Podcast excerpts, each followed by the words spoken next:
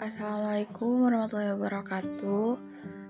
Kembali lagi dengan saya Nazri Alina Bila Hasna Mahasiswa Pendidikan Keluarga Negaraan Kelas 2020A Dalam podcast kali ini Saya akan menjawab Pertanyaan Listia dalam diskusi kelompok 5 Mata kuliah ilmu keluarga negaraan.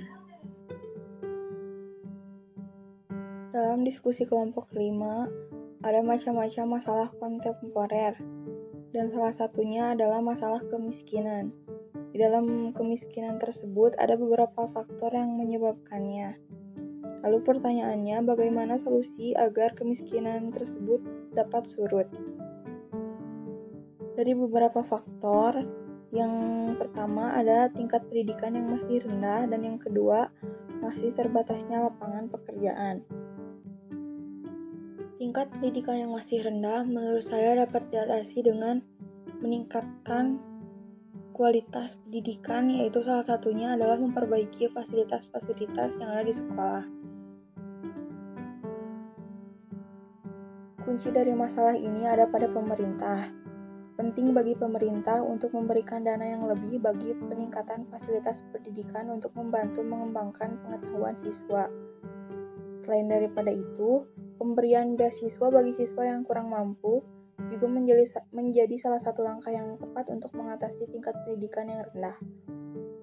Faktor yang kedua yang menjadi penyebab kemiskinan adalah kurangnya lapangan pekerjaan.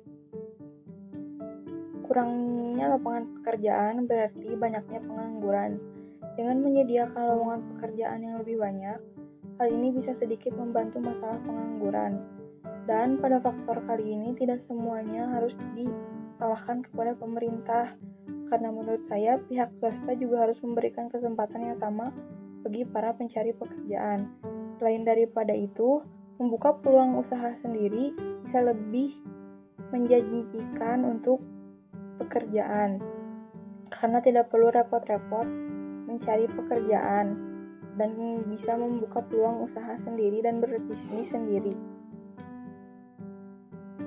Sekian jawaban yang dapat saya sampaikan. Maaf apabila ada kesalahan. Sampai jumpa di podcast selanjutnya. Terima kasih. Wassalamualaikum warahmatullahi wabarakatuh.